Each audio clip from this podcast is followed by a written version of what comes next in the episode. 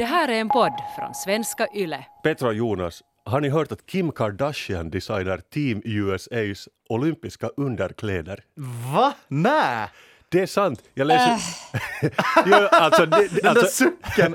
alltså, det är inte hon själv, men hennes företag Skims gör det. Och det står, det är en BBC-nyhet, att hon designar Team USAs olympiska underkläder, pyjamas och loungewear. Alltså otroligt. Men det är förstås bara ett PR-trick det här. Alltså det är väl inget annat. Alltså, hon säger att hon var inspirerad av sin styvfar Caitlyn Jenner, som var en olympisk atlet i tiden. Just det, ja, de har ju den kopplingen ja. Det är ju liksom, ja, det är inte helt långsökt. Men jag är liksom bara förvånad över att olympiska atleter sover. Hur har de liksom en officiell USA-pyjamas? Men de kommer ju inte använda de där kalsongerna. Alltså jag menar, det finns väl få som är så noga med vad de har för kalsonger som just atleter. En del har, eh, som, som de brukar prata om, sina turkalsonger liksom. Ah. Eh, men, de, men de flesta tänker att det är jättenoga med liksom vilket material. Det ska vara det lättaste nanoteknologiska tyget som finns eller så ska det vara liksom eh, den som passar ens kärt perfekt så att man ska kunna liksom prestera på toppnivå. Alltså de kommer ju inte att ta ett par kalsonger som någon ger åt, mig, åt en som bara hej, använd de här liksom. En annan grej som jag läste då när det var olympiska spelen var det i Rio senast och det är att de måste dela ut mer och mer kondomer för varje år, eller för varje olympiska spel som går. Just det. För att det är bara som en enda stor ormgrop, de här olympiska byarna. Ja, ja, ja, ja, just det. Att, att det är liksom att om du en olympisk atlet, du tränar så hårt, du har aldrig tid att träffa någon. Men sen när du har liksom, du vet, du får ha en vecka i Tokyo, så då jävlar.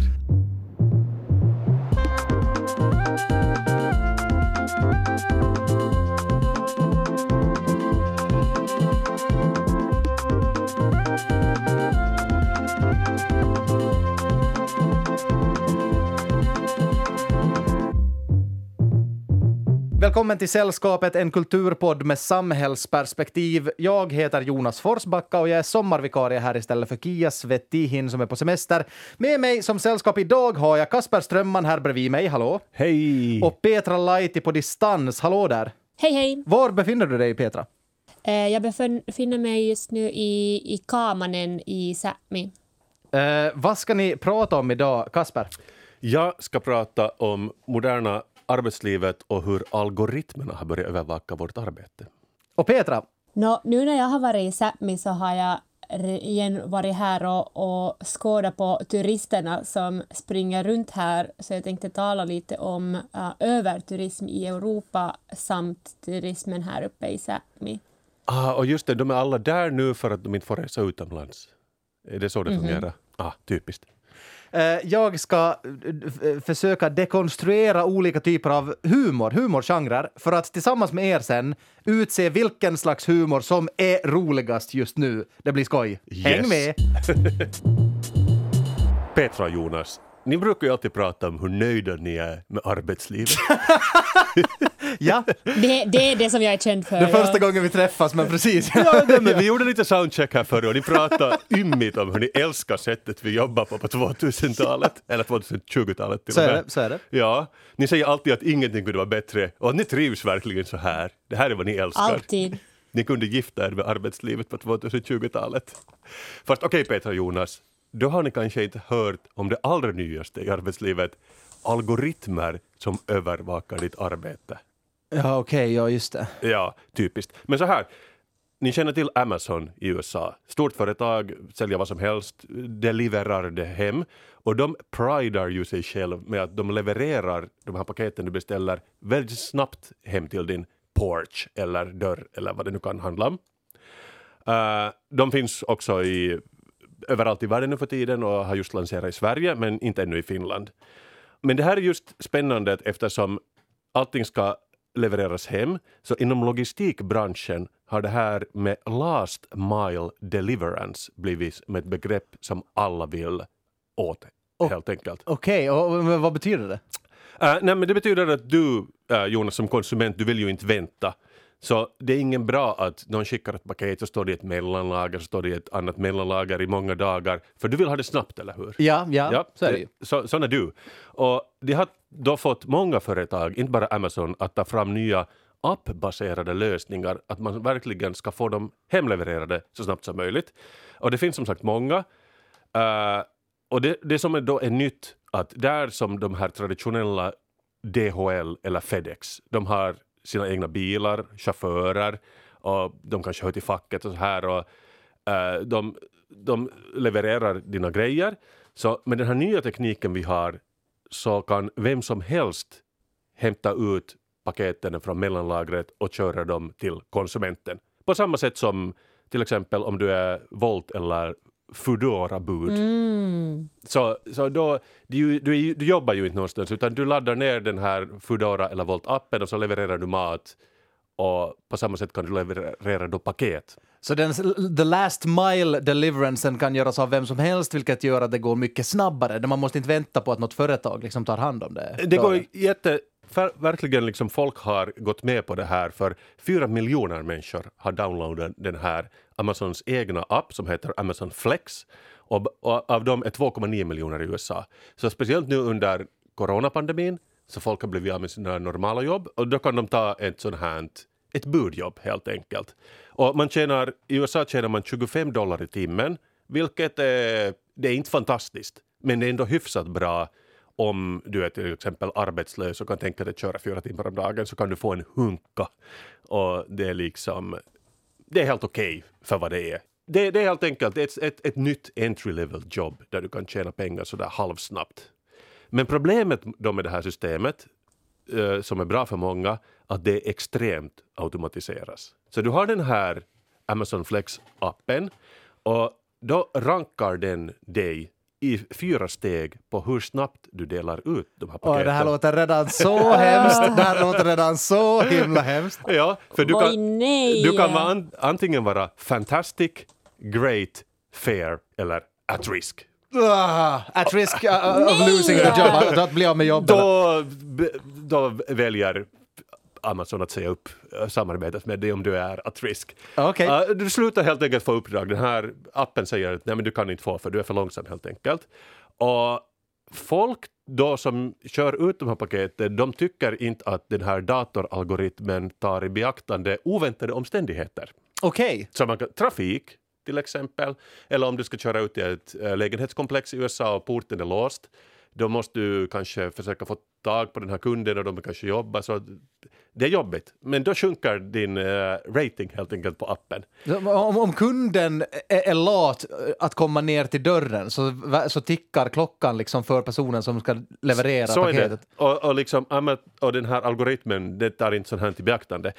Regeln är att kunden måste få paketet inom två timmar då du som uh, flexbud du hämtar det från det här mellanlagret då någonstans i stan och kör ut den.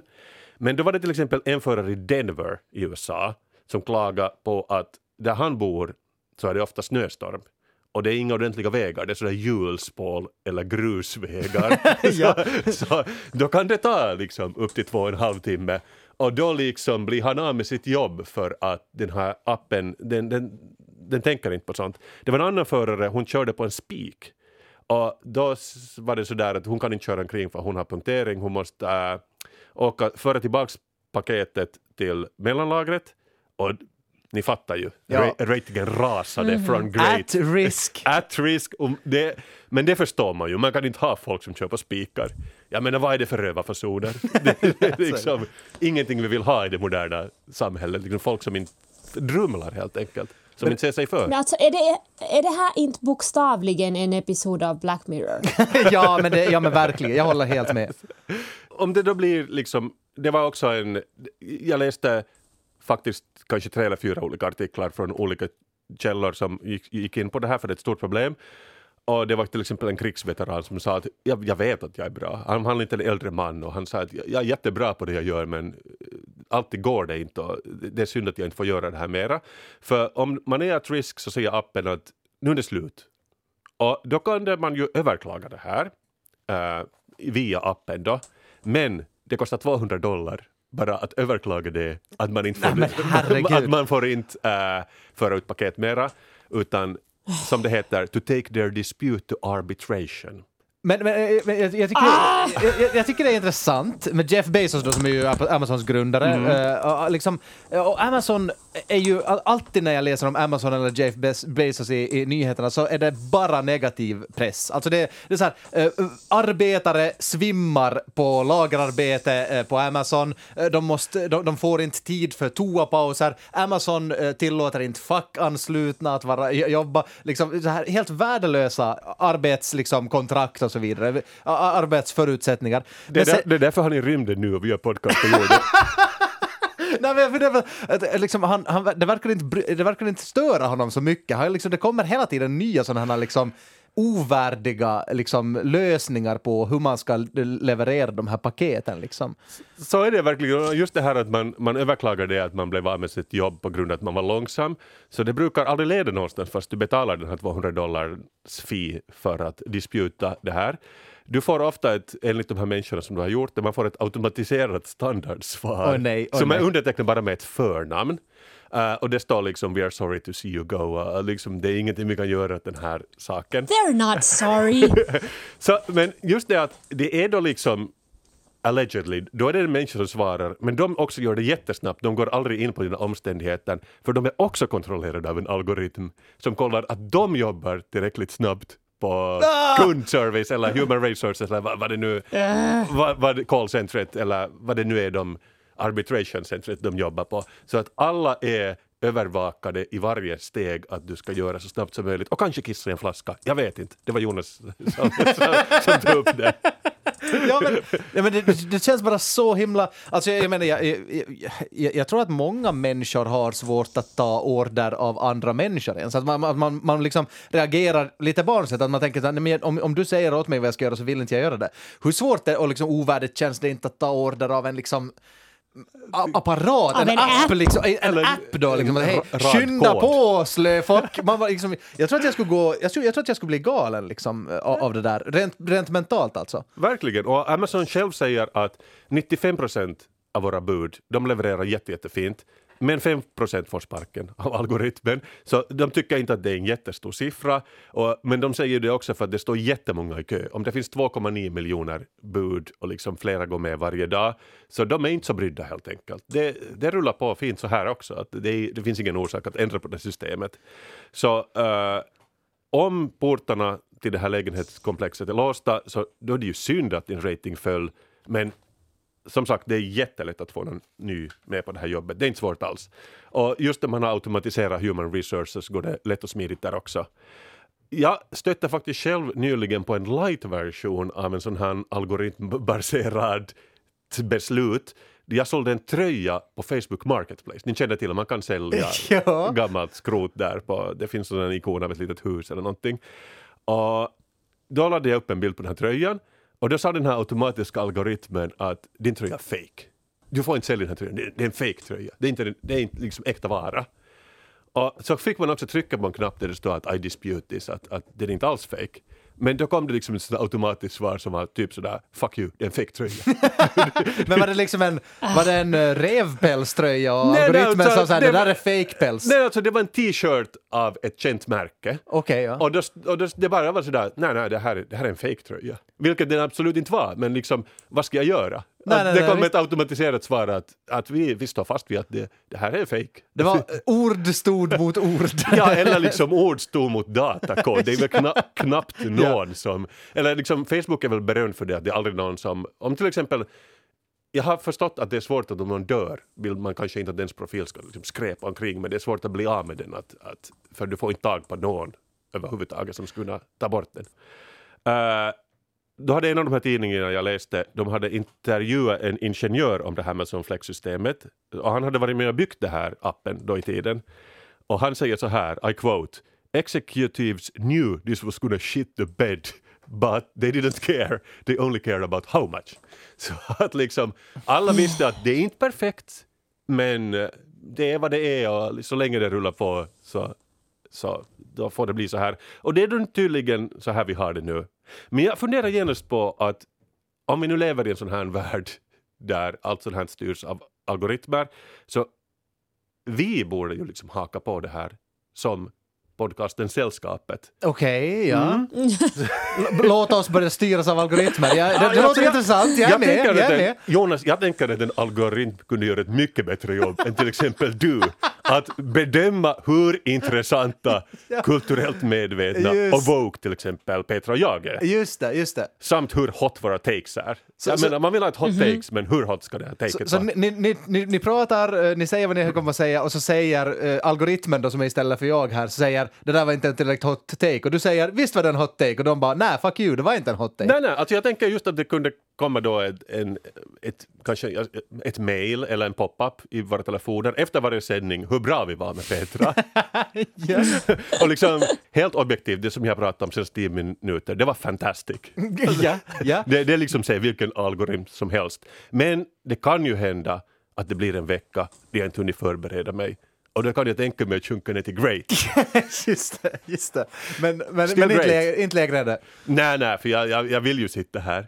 Men det här går ju säkert lätt att mäta just lyssnare, hur många lyssnare vi har och kanske liksom hur mycket feedback det kommer.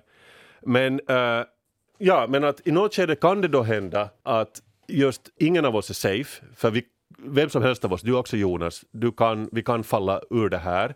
Och då måste ju en algoritm välja nya människor som ska podda här då varje månad. Så, så ifall, ifall det är liksom någon vecka är det någon helt ny person här, Ja. då, vet, då vet vi att vi har tagit i bruk det här eh, Ja, ing- systemet. Ingen, ingen av oss kommer att ha. Jag tänker att vi ska kalla det sällskapet Flex, den här appen. Och det är ju den som kommer att ha den egentliga makten över Kulturfinland. Som då bygger den här sällskapet Flex-appen som vi kommer att börja använda här i studion. Och som jag brukar säga, vi vet att den här appen kommer att shit the bed. Men Shit, men det var faktiskt ett helt nytt uttryck för mig. Jag har också aldrig hört det. Lite, jag vet inte om får man säga det, men jag, jag kommer att säga det. Och frågan är väl bara, vi vet att det inte kommer att fungera speciellt bra det här sällskapet Flex-appen, men frågan är väl bara hur mycket vi tillåter att göra det. Och jag tänker, om vi kan få allt att gå smidigare och om det tillåter någon att åka till rymden så tycker jag absolut att det här är någonting som vi ska köra på. Och som ni sa i början, ni älskar arbetslivet. Ja. Så jag tänker som ni, let's go for it. Och du och Petra och jag, vi petas ur den här podcasten så vi kan ju lätt bli sådana här last mile-kurirer för något paketföretag. Så det går ingen nöd på oss Jonas. Jag menar, jag säger Jonas som om du skulle jobba här länge till. Sen algoritmen tar över. Ja, mina dagar är räknade. Ja men välkommen, ja, det, det jag försöker bara säga egentligen att välkommen till framtiden hörni. Det är så här vi kommer att ha det från och med nu. Jag kan väl värma upp med en fråga åt er två. Att, vad skulle ni säga är den värsta turistryssen som ni har någonsin rest i? Oj, jag har varit, jag har varit Mm. på Split på Kroatien. På en, eh, på, Oj, oj, oj, oj. eh, på en sån här eh, turiststråk i Split, staden Split. Heter den det? Så, så här Ja. turistig är jag att jag visste inte ens vad staden hette, jag bara for dit och drack drinkar. Nej men där var det nog, där var det mycket turister. Jag kommer ihåg som barn när jag var i Venedig, vilket i och för sig såklart är jättetrevligt, men som vi alla vet jätteöver liksom befolkat av turister och kryssningsfartyg. Och det här var redan då som barn, jag kommer ihåg att det stod någon gubbe och sålde fågelfrön så att duvorna skulle liksom äta ur folks händer och så strödde han i, i någon gammal tants hår så att duvorna åt ur hennes hår. Och då tänkte jag att det här är inte okej liksom på, på, på något plan. Att, för, det, det, och, liksom bara det att mata duvorna känns fel. Ja, ja. Men det blev som någon slags eh, cirkus liksom. Det var otrevligt. ja. Ja, alltså det har ju... Det, det finns ju liksom flera av de här, de här europeiska städerna som man så där generellt vet om i Europa att är liksom overcrowded och liksom har, har seriösa problem med överturism. Och, och jag har också hört, jag, jag tror det är liksom med, eh, med rätt jämna mellanrum är det i nyheterna också om det här med Amsterdams Airbnb-problem. Eh, jag tror Barcelona har också varit i, i nyheterna om att hur de lokala inte längre vill ha turister dit. Um, och sen no, Venedig förstås är ju en också att, att um, var det månne en helt nyss att Venedig typ har förbjudit uh, de här stora jakterna från att och, eh, Lägga liksom, Ja, lägga till där vid, vid bryggan där i centrum för att det, det tar så mycket plats. Och jag har själv också varit i Venedig en gång och, och det, de, där, de båtarna som finns där, de jakterna, är, är ju liksom... De är så stora att jag inte förstod att de var båtar först. Nej, det är väl att, någonting att jag med- tänkte att det är höghus. Alltså det, är, nå- det, är, nå- alltså det är någonting med svallvågorna också, att den är inte byggd för att ett flytande höghus lägger till det. De, de är rätt stora nog och, och, och jag kommer ihåg, för då var, då var det Venedig-biennalen också i, i Venedig och då eh, var det ju förstås en massa jakter där för att folk kommer ju dit och, och festa och se på konst och, och what not. Men på de här jakterna så en, där fanns liksom röda mattor som gick upp, upp dit till, till båten och sen fanns det såna där piccolon som, som sprang runt med folks väskor och jag kommer ihåg att där fanns liksom såna där eh, alltså livvakter som bara patrullerar runt de här båtarna. Och, och jag bara tänkte att det där är väl, this is liksom, this is insane. Att, att det här är det, det kändes på något sätt helt jätteridiculous. Jag, jag, läste, Ehm. jag läste ett citat i en bok eh, någon gång som fastnade kvar hos mig att, att det, finns, eh, det, finns, det byggs lyx, eh, lyxjakter i världen men alla har inte en plats att bo. Alltså alla har inte någonstans att bo. Det, är liksom, Mm. det tyckte jag var en bra bild så här, bara, att varför finns de här båtarna överhuvudtaget? Liksom? Finland, vi älskar ju dem för att de byggs, en del av dem, ju här. officiellt så, så kan vi inte liksom säga något dåligt om Det, det, dem. det där är det, det stoltaste vi har. Ja. Nå, eh, orsaken varför jag vill tala om det här ämnet är för att eh, jag är ju ursprungligen från eh, kommunen Enare, eller Anar på, på samiska. Eh, och Enare är, är um, om man tittar helt på, på storleken, liksom om um, Just det, om man, om man tittar på arealen av Enare så det är Finlands största kommun. Ehm, och 2020 så var det bara lite under 7000 eh, invånare i, i hela kommunen. Gissa hur många turister eh, spenderar en natt i Enare år 2019 då när det var turistsäsong?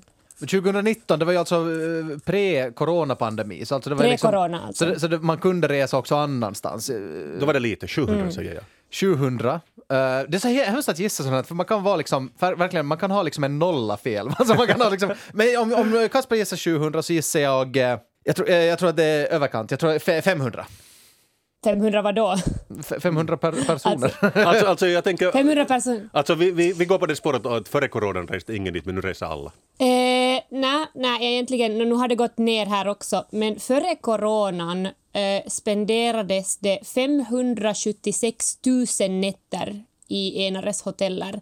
That's crazy. Eh, ja, det, det är det. Varav eh, inhemska eh, turister spenderade lite över 200 000 nätter och utlänningar spe, spenderar lite över 360 000 eh, nätter i, i Enare. Konstigt, vad, vad, Ehm. vad gör de där? Tänkte jag fråga. Men att, det, det, är ju- det är ju vackert. I ask myself that every day. Just det. Ja, och det här är ju då um, om, man, om man då jämför med invånarantalet i Enare, som sagt lite under, under 7000 år 2020, så det är ju en enorm, enorm skillnad. Um, och det är ju också i Enare kommun är det ju också mycket liksom säsongarbetare, att, att folk kanske flyttar hit till uh, antingen vintersäsongen eller sommarsäsongen och att man inte kanske bor här permanent för att jobba i de här, i det här skidcentrumen. För Enare kommun har ju Saariselkä som är, som är en rätt känd uh, slalomcentrum, slalom och skidcentrum. Den är där. Eh, okej. Men dessutom så, så är det ju eh, det är väl två nationalparker. Det är uh, Urho Kekkonen och Lemmenjoki eh, som är de här stora nationalparkerna i Enare kommun. Och sen är det ju också uh, Kevo nationalpark som är där på Utsjokis sida. Alltså Petra, Ehm. ifall, du, ifall du tycker att det är ett problem att folk kommer dit så du gör ju jättebra reklam för den här Det platsen. Jag får, jag får jättelust att komma dit nu. Uh, no, jag kommer att förklara, förklara lite till. Alltså, jag har inte liksom... No, ska vi säga så här att, att man kan eh, i mitt tycke indela eh, olika turister som kommer till Enare enligt hur mycket de är intresserade eller medvetna om samerna. Det beror lite på att hur de förhåller sig eh, i den här skalan. Eh, Så det är liksom eh, jämförbart med hur mycket jag är okej med dem. Okej, ja, ja, ja, ja, jag fattar. Och, och vad jag menar med det är att det finns liksom, det finns de turisterna som kommer hit och de tänkte att jag har Suomen Lappi eh, och, och så då tänker de att, att nu ska vi uppleva naturen och, och what not. Och det är liksom, det är en grupp som varken har någon aning om samerna eller är intresserade om lokalbefolkningen i sig utan de kommer hit för att bara ha upplevelser. Um, sen är det de turisterna som har liksom egentligen samma attityd men som är ish medvetna om att det finns en samisk kultur eh, och sen så bara bryr de sig inte. Um, sen finns det de turisterna som redan när de åker upp hit så vet att, att här finns liksom samer och här finns eh, ursprungsbefolkning och, och, eh, och att det är liksom ett, ett, en fråga att man ska liksom resa etiskt till, till Sápmi. Eh, och sen finns det sådana turister som är lite för intresserade i samerna och som kanske tränger sig in i ställen där de kanske inte borde vara och, och kanske beter sig på ett lite um, så white saviorigt sätt kanske. Oj, okej. Okay, så, så, så, alla är jobbiga? vilka, vilka, vilka platser kan det vara eh, som exempel? No, uh, det, det är rätt vanligt att att när det händer till exempel någon festival här uppe, eh, vi har ju massor med, med festivaler och sommarkonserter, och, eller i, i ett vanligt läge åtminstone skulle vi ha det. Eh, så det är rätt vanligt att i de evenemangen så dyker det upp liksom folk. Eh, nu är väl liksom stereotypin är väl att de är liksom hippies, men det, är inte, det behöver inte vara det. Men att, att det dyker upp liksom folk som kommer liksom och, och se på och så kommer de att snacka med lokalbefolkningen och är sådär att, att jag känner mig liksom så i kontakt med er och att jag känner mig lite så som mig själv här uppe och, och liksom här med ert folk så det här är liksom det låter som en komedi. Liksom frihet. Cringe, eh, ja, cringe. Det, det, det, är nog cringe, det är definitivt det. Um, och sen är det ju liksom, det, det här brukar vara den kategorin som är också jätteintresserade av uh, just mystik och, och magi och vad, vad man nu kan tänka sig. Svampar. Eh, svampar, ja. alltså, jag tänker att det, det hör till på något sätt. Men det där låter ju som en sån här exotifierande rasism. Jag, tänker, jag, jag, jag tänkte genast eh, när du berättade om det här, i mitt eget huvud dök det upp ett sånt exempel, att någon kom, alltså mer, mer liksom så här, där man skulle, om det där kallas exotifierande rasism så det skulle kunna vara rasism, rasism att, att, man, att någon kommer dit och säger att har ni hört om elgitarr här? Det är en, det är en sån här modern grej som, som vi använder där nere i södra Finland. Liksom, att det, att det är inte en Ja. sån typ av, av karaktär ändå som dyker upp eller? Nu finns det också, äh, men jag tror att folk som skulle kanske bete sig på ett lite grovare sätt, mer rasistiskt sätt, så de kanske... Jag skulle estimera att de åker sen mera till sådana där turistcentrum där lokalbefolkningen inte bor, som just de här skidcentren. Eh, För, för att den här exotifierande rasismen ska existera så måste man ju ha någon slags intresse för lokalbefolkningen. Just det, just det ja. Eh, Medans om man är bara rasist och inte bryr sig om, om den här befolkningen eh, så då kanske man inte associerar sig själv med dem heller. Men, men jag antar att det här är någon Ehm. slags tudelat svärd då, att å andra sidan är det många som vill ha turisterna dit för man tjänar ju någonting på att de övernattar. Ja, visst. Eh, men det, det är också en, en, eh, en annan del av, av hela fenomenet är ju att mängden turister som kommer hit så har ju lockat en massa eh, liksom folk från söder och komma hit och starta sina egna företag och hoteller. Ehm, att lokalbefolkningen Visserligen så är det många av lokalbefolkningen också som tjänar på, på turismen men att, att det finns nog en riktigt klar skillnad tycker jag eh, i sättet som de lokala bygger sina, sina företag och sina ställen jämfört med hur uh, folk från söder kommer och, och då startar upp sina, sina ställen. Men att jag skulle ändå kommentera uh, om din elgitarrkommentar, Jonas, uh, för att det har ju faktiskt hänt till mig en gång då jag har varit på en samefest att det, det kom en tjej till mig som sa att "Ah, jag visste inte att ni kunde dansa. Oj nej, okej, åh shit. Jobbigt. Och jag bara sådär, vad, vad menar du? Att vi är på en techno-rave? vad annat skulle vi göra? Nej, men vad, vad, fick du något svar på det då? Nej, hon var bara sådär, ja men ni har ju liksom, ni har ju liksom fest. Och jag bara, ja. Det är helt nej. likadan fest som man har i, i söder också. Ehm, men att, att för att lite eh, sätta den här turistmängden i perspektiv um, åt er, så en diskussion som har nu förts i ett par år i enare, um, som jag ser även, även nu här uppe, är det att att um, förr, uh, ska vi säga på 80 och 90-talet när, när liksom den här utlandsturismen uh, tog fart och på 90-talet speciellt var det massor med tyska turister som, som kom upp hit. uh, så då um, var den där mängden ännu så pass mycket mindre att det lönar sig att till exempel bygga trappor till vissa fjälltoppar och det lönar sig att ha kryssningar till vissa öar och, um, och det lönar sig på något sätt att utnyttja de här, de här naturställen um, som existerar här, här runt om. Och det är ju liksom jättefina trakter, de vackraste trakterna i mitt tycke. Men nu när den här turistmängden har blivit så stor som den är så finns det liksom en motreaktion till det här att, att det har dykt upp flera sådana här cases där man eh, river ner de här trapporna istället för att skydda eh, ett fjäll eller skydda en, en ö. Um, så just de här trapporna upp till, till Sana, så de skulle rivas ner. Uh, ja, så det var, det var också uh, en stor uh, diskussion som har varit här i, i Enare har varit det att, att för en lång, lång tid så har det varit såna här båtkryssningar till det som kallas på finska för uh, Ukonkivi, som är en, en sån här klippig ö på, på Enaresjön. och den är helig åt enare samer. Uh, och den har en sån här helig, helig historia och det har uh, historiskt då varit en, en offerplats uh, långt bort i tiden. Och nu då på grund av mängden turister som vill besöka ön så, och det är inte en stor ö, alltså det är bara, bara en, en stor klippa praktiskt taget.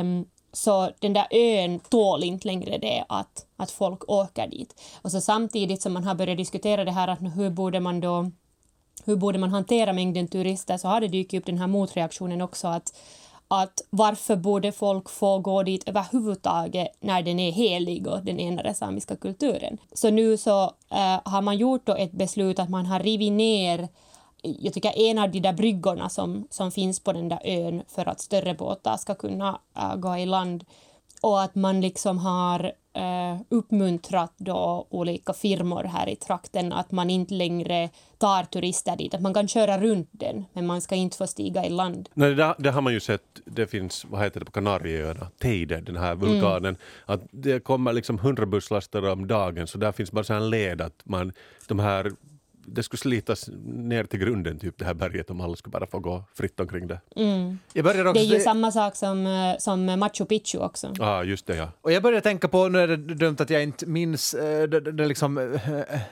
ursprungsbefolkningens eget namn på det, men alltså Ayers Rock på, i Australien. Ah. Ja, Uluru. Uluru, tack! Uluru börjar jag tänka på också som liksom exempel utåt för liksom så här turister som kommer och klättrar på det, vilket är, liksom, det är en helig plats för urbefolkningen. Mm. Så, och de bara liksom klättrar och typ tar selfies när de pissar uppifrån den här berget, liksom, eh, eller den här mm. ja, klippan.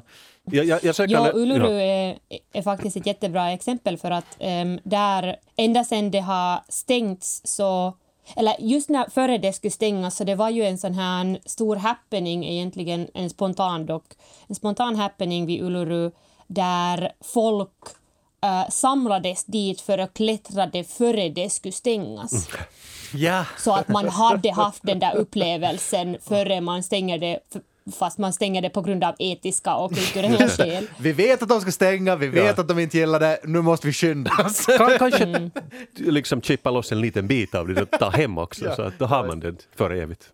Men ja, alltså Uluru är också ett jättebra exempel från den synvinkeln att uh, Uluru har ju fungerat som en global benchmark till att man har börjat använda uh, liksom det ursprungliga namnet för stället uh, för att visa respekt till ursprungsbefolkningen. Och det är någonting som jag skulle jättegärna börja se uppe i, i Sápmi också, att vi skulle uh, på något sätt uppmuntra den diskussionen. För jag var ju jätte, jätte stolt att se att, att nu ska man börja använda ordet Sápmi i finlandssvensk svenskspråkig media äh, då man hänvisar till samernas trakter och, och samernas områden och rättigheter, att man använder ordet Sápmi om om våra, våra länder istället för ordet Lappland. De är ju dock inte synonymer till varandra men att men det är väl en glo eh, global ja. trend att man, man, förra året var det här att man säger inte mer Vitryssland utan man säger Belarus. Att det går ju åt det mm. hållet hela tiden. Jo, jo, jo, definitivt. Jag tycker det är bara, det är bara bra. Det är bra. Saker och ting får ändras. Eh, men det var nog lite... Eh, nu när jag var på veckoslutet så var jag uppe i, i Otsejohka, alltså då Utsjok på svenska.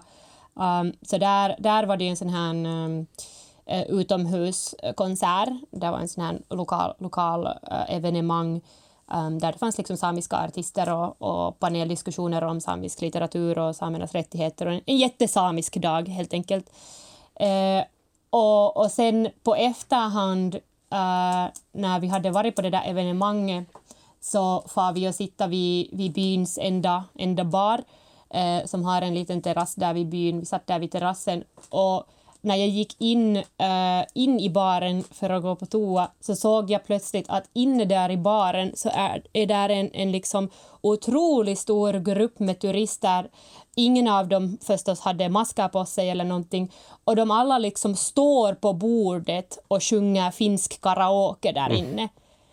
Och jag tänkte bara, ja okej, okay, de har en helt annan fest på gång eh, än, än vad vi har och de lever i en helt annan värld än, än vad vi gör. Men det på något sätt kändes ironiskt att eh, stöta på den här turistgruppen som sjunger finsk karaoke med sina Finlandslippis och, och whatnot medan de sitter, sitter i en, en bar som är nämnd eh, efter ett heligt berg i Sápmi. Um, men, men det är kanske bara liksom, paradoxen av olika realiteter. Vad va, va är lösningen? Borde, folk borde bli mer medvetna bara. Tja, jag vet inte. Mm, nu snackar ju, jag ju inte med någon av de där turisterna för jag ville inte, inte gå nära dem. nära dem. Men det här, eh, jag vet inte om jag skulle ha frågat eller snackat med någon av dem att skulle de ha vetat liksom att, att var de är.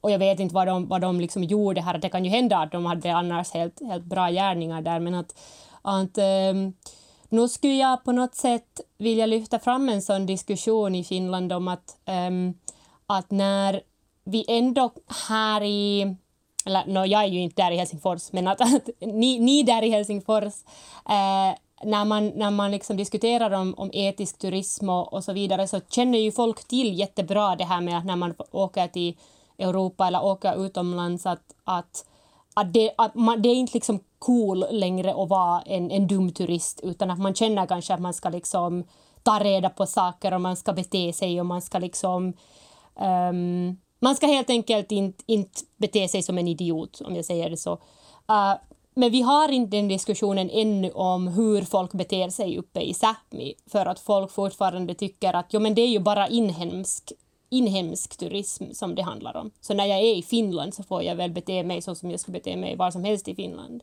Så det är liksom det som jag säger jättemycket, att folk liksom, inte menar de ju illa i sig, utom, utom sen de som faktiskt menar illa. men, eh, men, eh, men folk helt enkelt inte bara stannar och tänker på att, att egentligen så är de inte i Finland längre när de är här uppe. Jag läste en text häromdagen som i sådär förbifarten nämnde humorgenren ha-ha hm. Har ni hört eh, det här begreppet tidigare? Nej. Ha, ha, hm.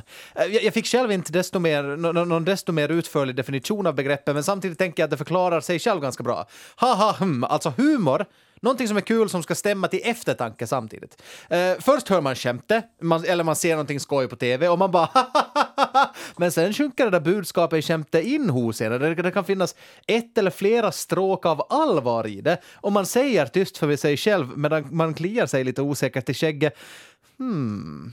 Och en ensam liten tår trillar ner längs kinden. Vems var den där låten? Things that make you go hmm. Okej, okay, okej, okay, det finns en sån låt. Någon 90-talslåt. Okej, okay, okej, ja. ja. men det, det, det ja. måste vara exakt det här. Ja, men alltså, jag, när jag läste det här begreppet så började jag tänka att jag ska hitta på några exempel på humor som är haha hm idag.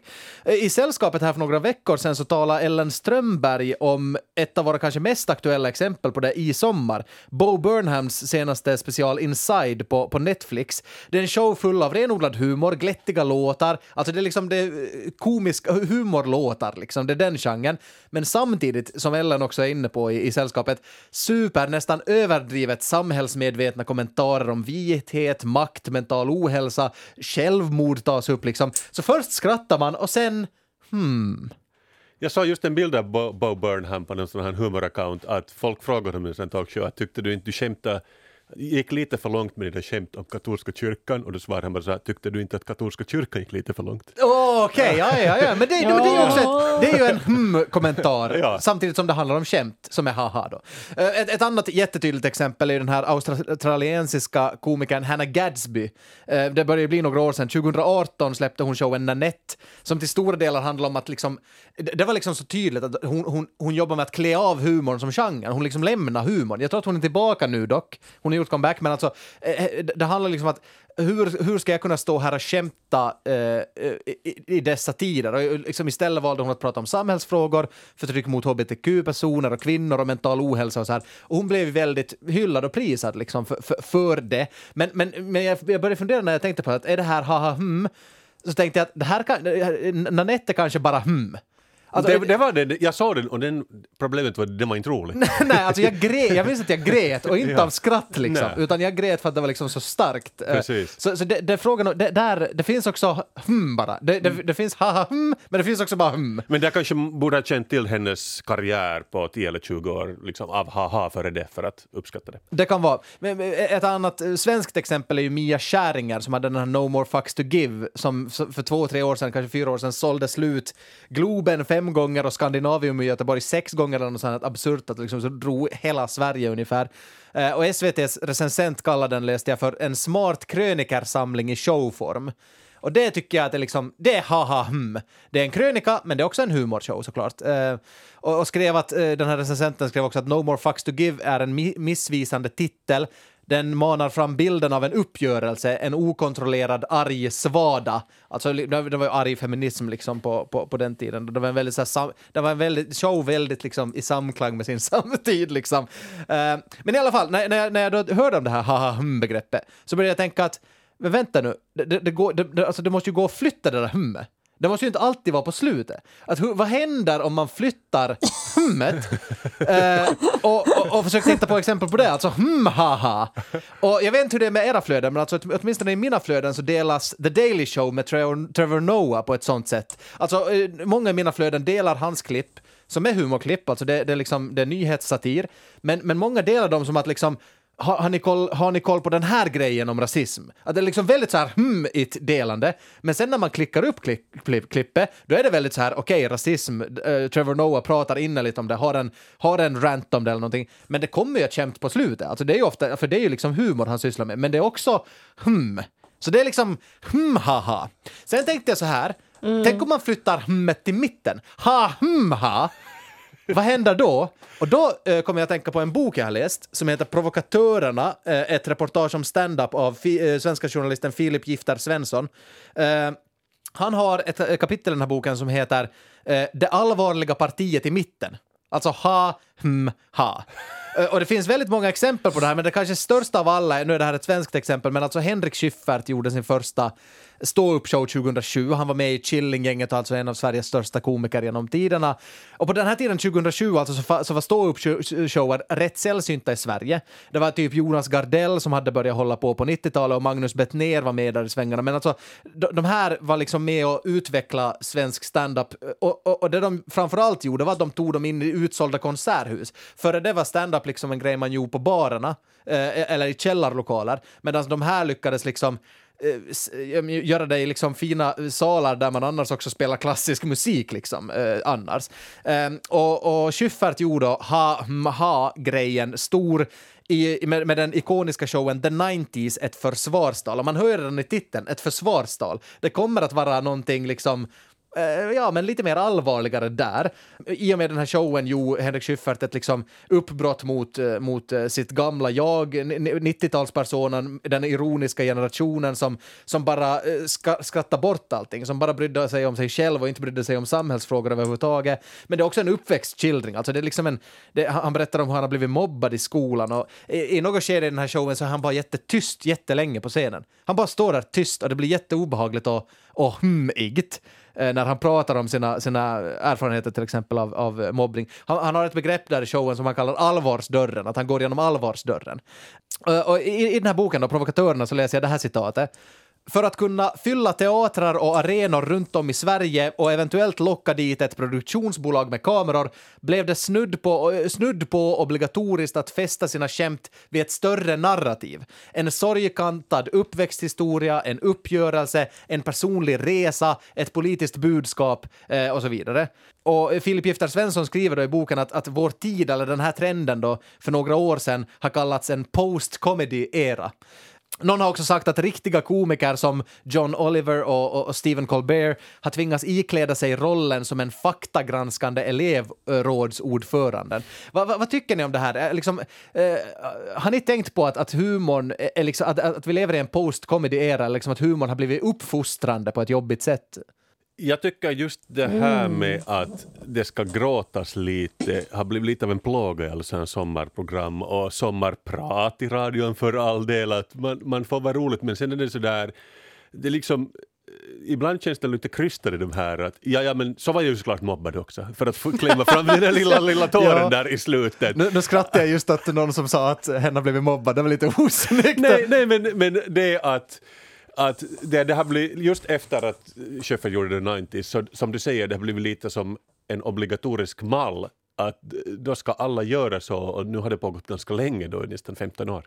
Men alltså, jag skulle säga så här att, att det är just kanske på grund av den här trenden som jag just nu tycker mest om ”hm, haha. För jag tycker om att, att jag först får veta en allvarlig sak och sen ger någon eh, en poäng som man kan skratta åt efter det. För det på något sätt lättar liksom hanteringen av den där allvarliga saken. Medan som det haha hmm eller, eller ha hmm, ha. Så- Älskar att du har tagit till dig de här begreppen. så- Ja, ja. Men, men, det, men det är en bra analogi att, att eh, om, det, om det inte om den där allvarliga saken kommer mitt i eller sen på efterhand så då är det ju den där, den där bittersweet känslan som du blir med. Och jag gillar inte att bli med den känslan. Jag har bara hört liksom en sån version av det här att medicinen går enklare ner med en sockerbit. Just det, Ah, just ah, det. Det är väl en version av det här samma, men då är de liksom lite sammanflätade, de här olika gutturala letena som Just det vi där. håller på med. Ja. Det är mer en sån, ja.